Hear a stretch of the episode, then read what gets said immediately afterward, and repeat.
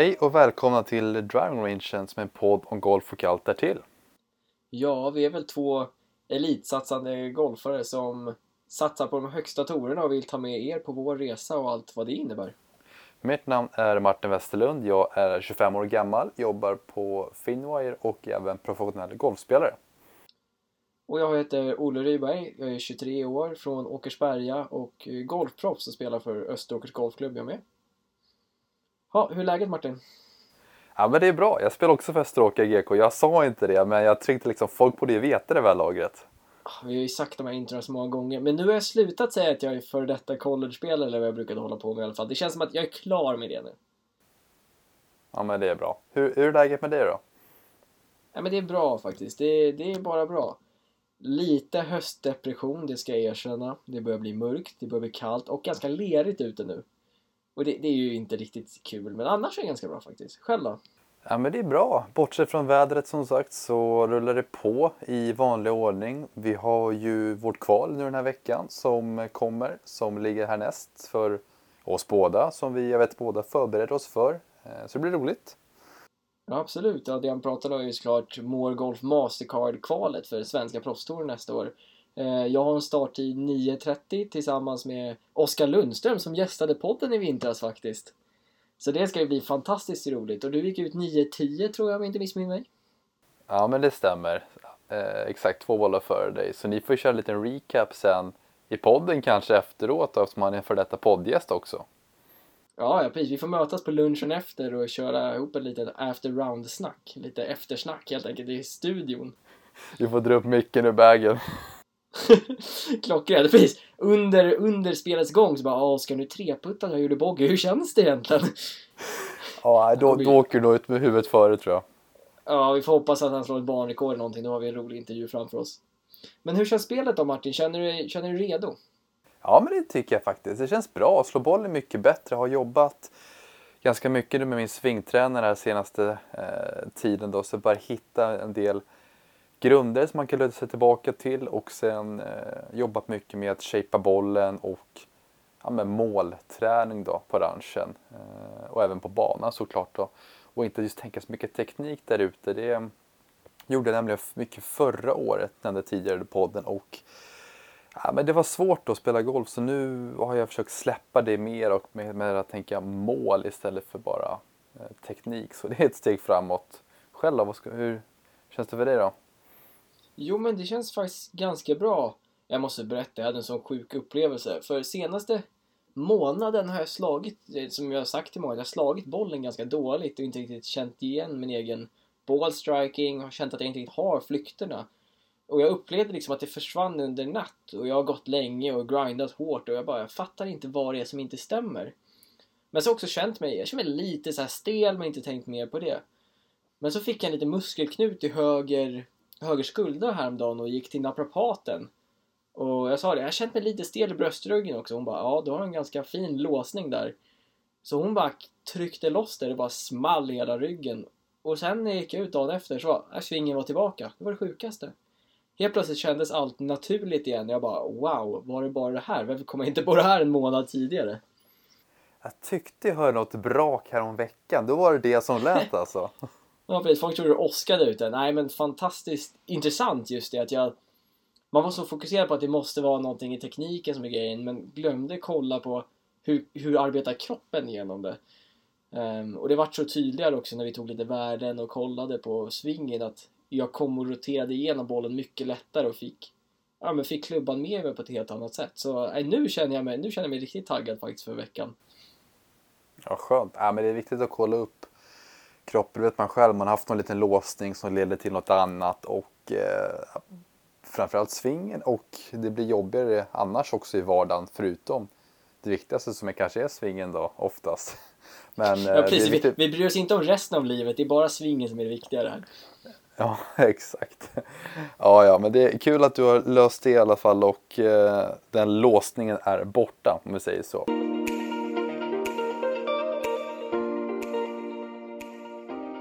Om vi blickar lite till USA då. Vi har ju haft eh, Bryson DeChambeau som har spelat långdriving-tävling, eller VM i långdriving till och med. Ja, det känns ju som att det är någonting som alla pratar om just nu och vi kan ju inte vi kan ju inte ignorera det helt, så kan vi säga. Men det gick ju ganska bra för honom till och med, vilket är fascinerande och man måste ju säga att det är imponerande trots allt. Komma flyga direkt från Ryder Cup och ändå ta sig till kvartsfinal tror jag var. Topp 8 av alla som var med, stämmer det? Mm. Ja men exakt, eh, kvarten åkte han ut i så ja, men det är så imponerande. Kommer från Whistling Straits, åka till Nevada där och ställa upp i en sport han egentligen inte kanske borde vara hemma i, liksom, känna sig hemma i. Men eh, äh, presterar fantastiskt bra och det är framförallt kul för långdrivingsporten och även vanlig golf om man säger så då. Ja, absolut. Man, jag tror inte att, även om långdrivingkillarna kanske kände att helt plötsligt kommer TV-teamet och allt bara för Bryson är där, men samtidigt all uppmärksamhet som kommer till sporten tror jag är väldigt välkommen om man säger så. Eh, det kommer vara fler företag som vill jobba med dem gissar jag framtiden om Bryson fortsätter hålla på som han gör och det kommer till slut leda till mer pengar i deras fickor som är med i sporten precis som Tiger revolutionerade vår vanliga golf för x antal år sedan. Absolut, jag såg några värden han la upp på Instagram, Bryson då. Han hade 218 om jag inte säger fel i ballspeed vilket är sinnessjukt fort. Jag vet inte vad snittet ligger på PGA-touren men är det 175, 170 kanske? Ja, jag tror att det är 165 eller 170. Nu ska jag inte svära för det men jag tror att det är någonstans där det rör sig om det är 170 som är benchmarks.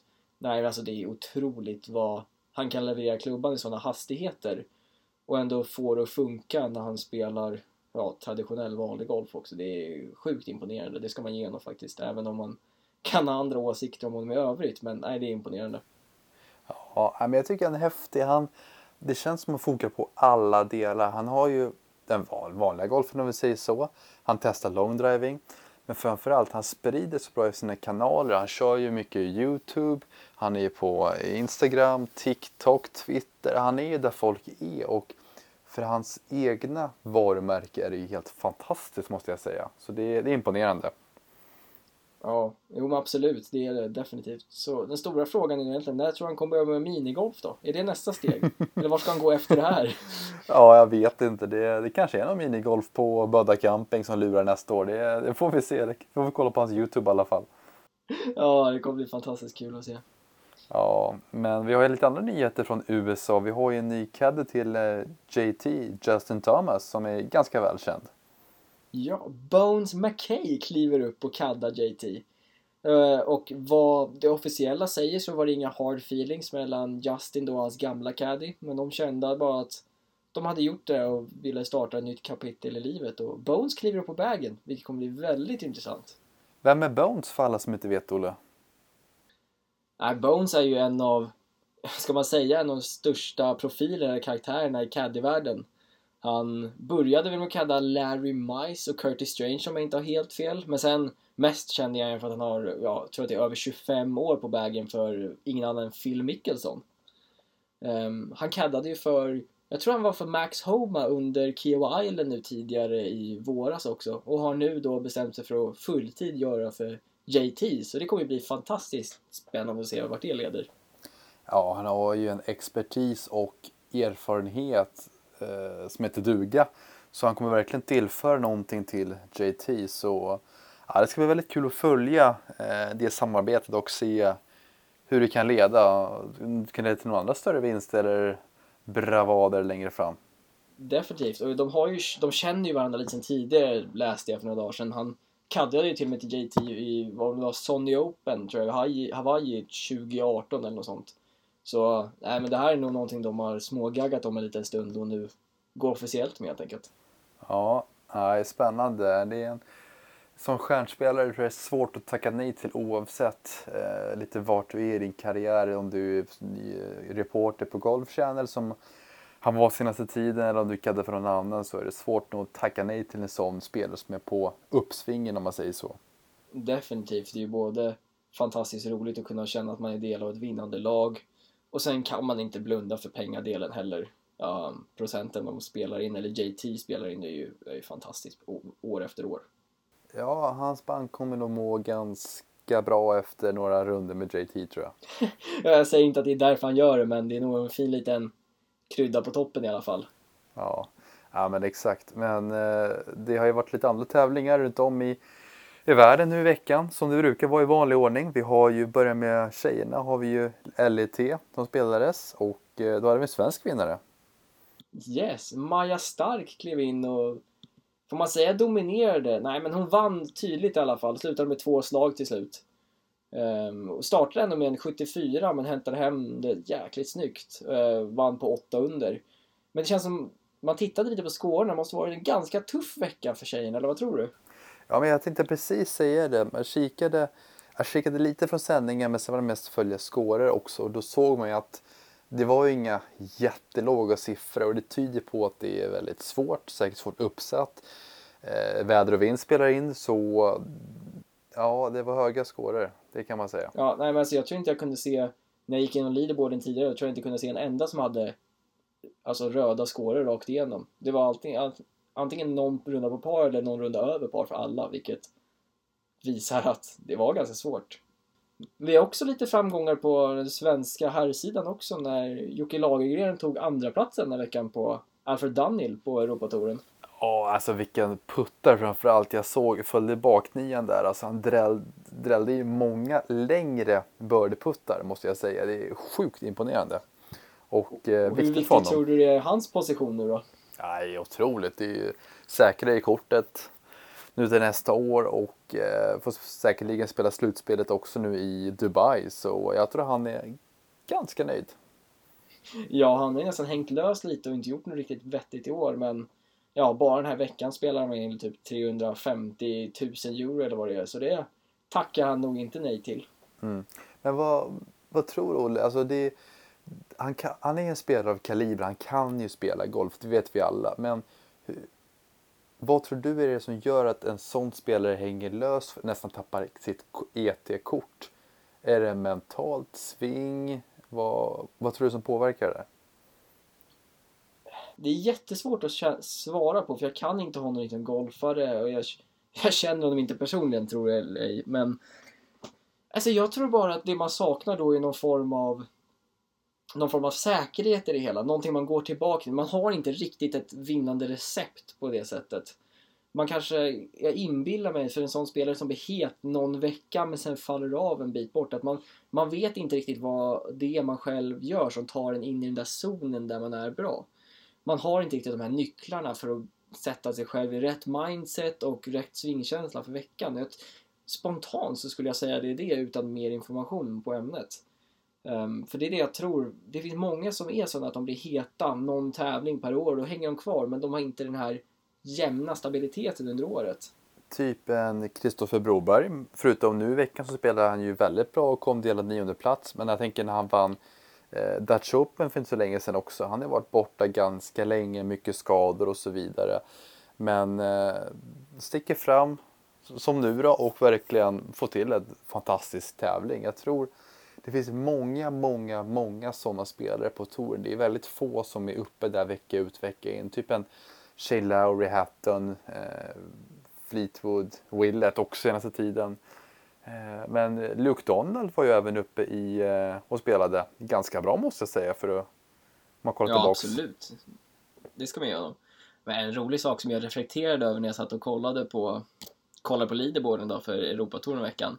Vi hade ju ett gäng som var på Whistling Straits och man kanske inte tyckte att de levde upp till sin förväntan och sådär. Men tittar man, Tyrell Hatton var alla lite småbesvikna på, kom tvåa den här veckan, 16 under.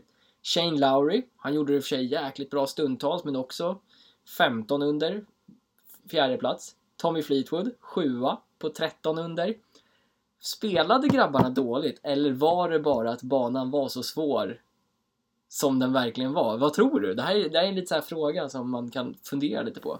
USA, ja, USA var så mycket bättre bara tror jag. De spelar inte så dåligt. Det, USA Nej. var för bra. Eh, ja. det, det, det, är min take på det i alla fall. De, de körde av oss. Ja, men jag tror också att det var lite det. USA fick det att se lättare ut än vad det egentligen var till stor del, skulle jag spontant gissa. Men eh, om vi kilar vidare, eller stannar kvar lite just i USA då. Vi måste prata lite om eh, Will Salatoris och eh, banrekordet han satte på Sanderson Farms Championship. Absolut, en liten 61 skvätte han in där. Mm, det är trevligt.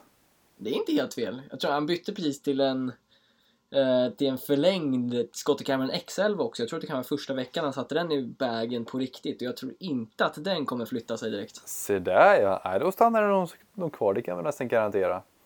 Mm, men även där hade vi lite svenskt, måste bara slänga in det eftersom man är så patriotisk som man är. Henrik Norlander, fjärde plats, 20 under par. Flagga viftas högt, det är inte illa det där. Nej, det, går, det ska man inte skämmas för på den här nivån, det kan man säga. Men Olle, bara, bara en snabb take då. Vad, vad tar du helst? Fjärde plats på PGA eller vinst på Europatouren? Oj, jättesvår. Eller kanske, nej, nej. Jag, jag trodde det skulle vara svårt men det är inte svårt. Jag tar första platsen på Europatouren. Alla dagar i veckan. Det är en vinst. Ja, det, det är en vinst. Punkt slut. Fan, det är, i den här sporten får man vinna så jäkla sällan, så när man väl gör det, den känslan är oslagbar. Det är vinsten, inget snack. Sen kan man börja diskutera vad du helst haft Europatourkortet eller PGA-tourkortet. Ja, då är det en rimligare debatt, men nej, vinsten. Du då? Det är till för en annan podcast. Uh, alltså, jag tänkte, när jag försökte komma upp med frågan och tänkte, och lutade mig mot USA, mot PGA där, men nej, men som du säger, en vinst är en vinst och det är inte ofta man vinner som golfare. Då ska man ta den och eh, signera skolkortet och gå därifrån. Ja, verkligen. Men det är en ganska intressant fråga att man ens funderar åt andra hållet för det visar ju bara att det har blivit ett ganska stort gap i, i prestations... eller i nivå på PGA-touren och Europatouren, känns det som. Ja, men det var ju som vi pratade faktiskt innan vi började spela in. Vi jämförde eh, LET och LPGA som är faktiskt större skillnad än ET och PGA-touren i USA då, just eh, med prispengar. Ja, det är så stor skillnad. Vad sa vi? En vinst på LET och en tolfte plats på LPGA gav i runda slängar samma summa. Och nu vet jag inte exakt i huvudet vad en tolfte plats på PGA-touren ger men jag, du, du vinner nog mer på Europatouren än alltså i prispengar på en vinst än en tolfte plats i USA eller eh, vad, Ja, vad Danny Willett drog väl ändå in typ närmare 700 000 euro den här veckan tror jag för sin första plats. Ja, och det får inte på en tolfte plats i USA. Nej, nej, det går får det faktiskt inte. Sen var det här en ganska weak event också på PGA-touren den veckan. Sam Burns som slutade som vinnare, han var ju sidad nummer ett och han är 25 plats i världen. Det säger en del om vad det var för typ av vecka där. Ja, jag tror många också tog en vecka av efter framförallt Ryder Cup. Eh, ja, inte Bryson, han körde ju på med sitt race då. Men med, det, det är en ganska intensiv vecka och jag tror många känner att det är en off-season ganska behövlig. Liksom FedEx Cup är klart. Nu är det lite quote, quote, småtävlingar eh, på PGA-touren. Mm. Så jag tror många försöker ta den tiden till att ja, men vara med familjen, träna, göra något annat än spela golf. För de spelar så många veckor om året och samla energi inför innan säsongen börjar helt enkelt. Ja, nej men så känns det definitivt som.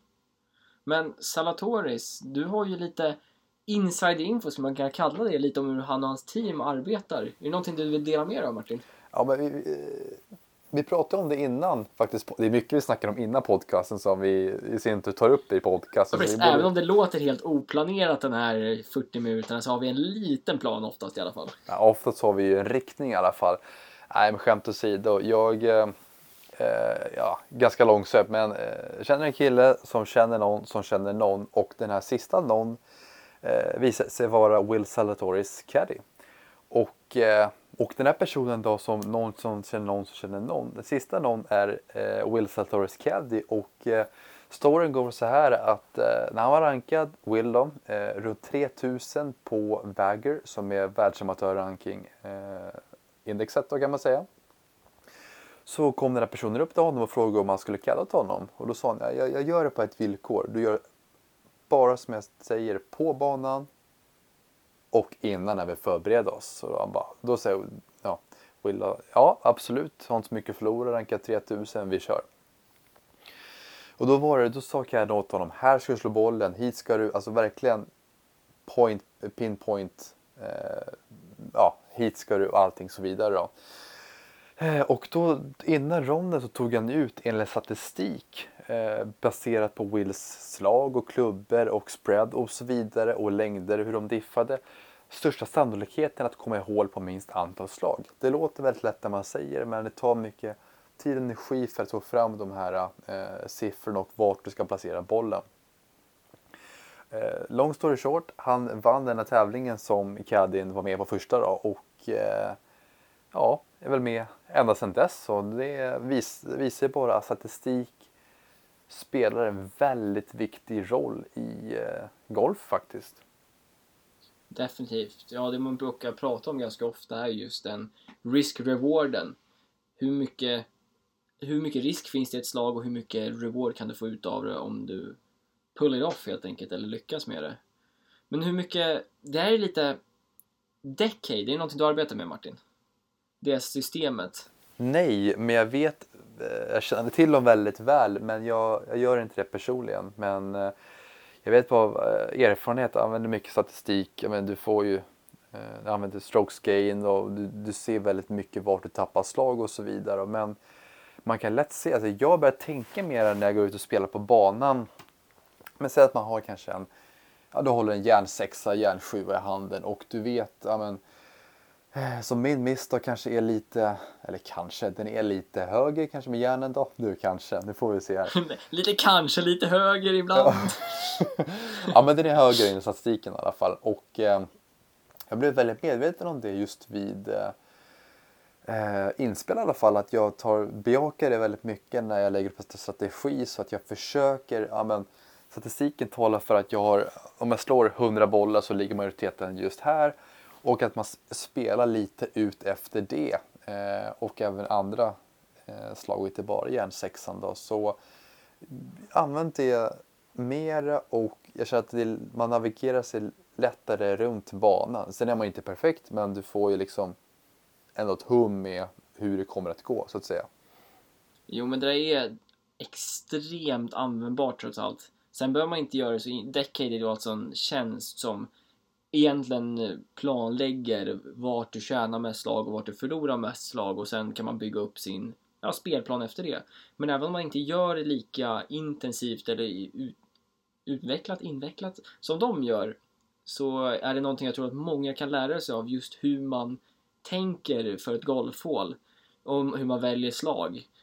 Um, är, tjänar man på att ta en lite svårare slag och en svårare linje? Vad är det bästa som kan hända? Vad är det sämsta som kan hända? Och sen utnyttjar eller applicerar det utanför sitt eget spel. Till exempel spelar man en fade. Ja, men man kanske inte ska gå för alla flaggor som står långt vänster när det är vattenvänster. För det kommer inte komma åt det lika lätt. Då kanske man siktar rakt på flaggan och bara låter den fejda ut mitt på green. Men står en flagga höger, ja men då kan du sikta mitt på green. Kommer inte fejden, då mitt på green. Kommer fejden, då är det liksom vid flaggan. Och det är lite så man jobbar, att man tänker att vart ska jag stå där, hur mycket kommer jag tjäna på det? Och det är någonting vi jobbade extremt mycket med i USA, för då hade vi Decade i laget, så vi mappade in alla, alla våra nummer och alla våra runder. Och så berättade den att ja, du, det här gör du bra, det här gör du sämre, tänk på det inför nästa runda. Och så fick man lära sig ta med sig det när man själv la in sin gameplan för nästa vecka. Och nej, fantastiskt användbart är det för man gör det så extremt mycket lättare för sig själv att spela och att faktiskt skåra på det sättet. För man sätter sig själv i mindre dumma sitser om man säger så. Kör du Decade fortfarande eller var det i USA? Um, inte längre gör jag inte nu för då fick jag det faktiskt av laget det ingick. Men nu har jag inte, tjänsten har jag inte. Men jag har kvar tänket om man säger så. Så jag lärde mig väldigt mycket under de där åren. Ja, jag är inne på deras hemsida. Nu är det fullt fokus på det. Jag, jag, jag känner till det och jag vet ju vad det är. Men Eh, det är faktiskt Birdify verkar som, som eh, äger dem eller har startat upp det. Då. Och Birdifier använde vi väldigt mycket i alla fall när jag var i Kalifornien för livescoring för eh, collegegolf. Mm, precis, det är det de gör. Så finns en tilläggstjänst som jobbar genom Birdify som lagen kan välja. Kostar ja, si och så mycket pengar per år. Men för många som kanske egentligen inte är så duktiga på att tänka golf så är det en fantastisk tjänst. Men det är så roligt, det är ett klassiskt Decade-citat, för jag följer honom lite här och där och la ut på Twitter häromdagen. Så en svår flagga gör det inte svårare att träffa grinen egentligen. Våga sikta mitt på green. Och det är så jäkla rätt egentligen. Hur ofta gånger gör du bogey om du bara sätter bollen mitt på green? Extremt sällan. Och det kommer finnas några lätta flaggor där ute som står nästan mitt på green. Så siktar man mitt på green på 18 hål av 18 på en dag så kommer du och verkligen gör det. Du, det finns inte en chans att man skjuter över par egentligen. Vad heter den här personen på Twitter? Ah, Jag kommer inte ihåg, jag tror att det är bara Decades egna account och så turas de om och lägga ut lite saker. Men de finns på Instagram, Twitter, jag tror det finns Facebook också om Ja. det är någon som hänger där fortfarande. Decade Golf kan man väl söka på så lär man få hyfsade sökresultat i alla fall. Absolut, och just, nej, det är fantastiskt lärorikt. Bara de lägger upp lite korta saker då och då när de förklarar delar av spelet och det är väldigt intressant om man är lite golfnördig och vill ta sin golf till nästa steg. Ja, det är väldigt kul med siffror och statistik just för golfen också, vet man ju själv hur det är där. Men vad, om du får ge liksom ett tips eller vad tror du, alltså folk som är kanske inte på den nivån vi är men eh, som vill bli bättre på golf. Hur, hur kan man använda statistik för att bli en, navigera sig runt på banan på ett bättre sätt och i slutändan skjuta lägre scorer? Vad tror du, vad tror du man kan göra och tänka? Det, vik det viktigaste, ja, men det har vi pratat om i tidigare avsnitt tycker jag ändå lite också. Det viktigaste är att man börjar med någon bara grundläggande statistik. Hur många fairways träffar jag? Vilken sida missar jag fairway på? Hur många greener träffar jag? Hur många, och vilken sida eller kort och lång missar jag green?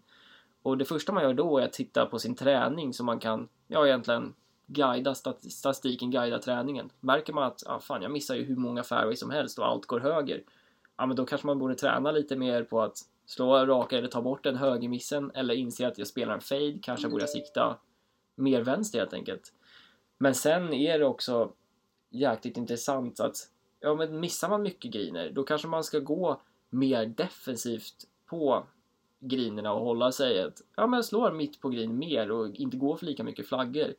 Eller är man extremt dålig på bunkrarna om statistiken visar det, ja men om det står en flagga nära en bunker då kanske man kliver lite mer defensivt i sådana lägen. Men är du istället jätteduktig på bunkrarna, ja, men då kan du attackera de flaggorna.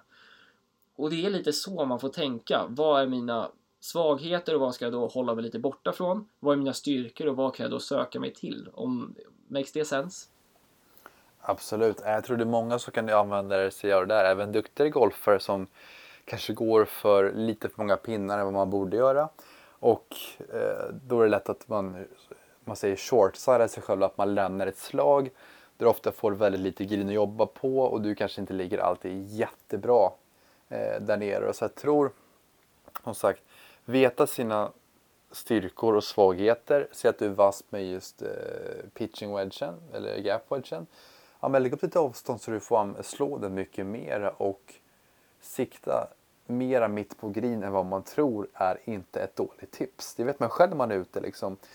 Man står kanske med järnfemma där bara ah, du ska gå för den tajta flaggan. Men vad känner du på det? Liksom du, alltså du har ju, statistiken talar för att du kommer kanske missa green med högsta sannolikheten då om du är lite off istället för ja, men mitt på green, chans att sätta putten eh, eller två puttar och gå därifrån helt enkelt.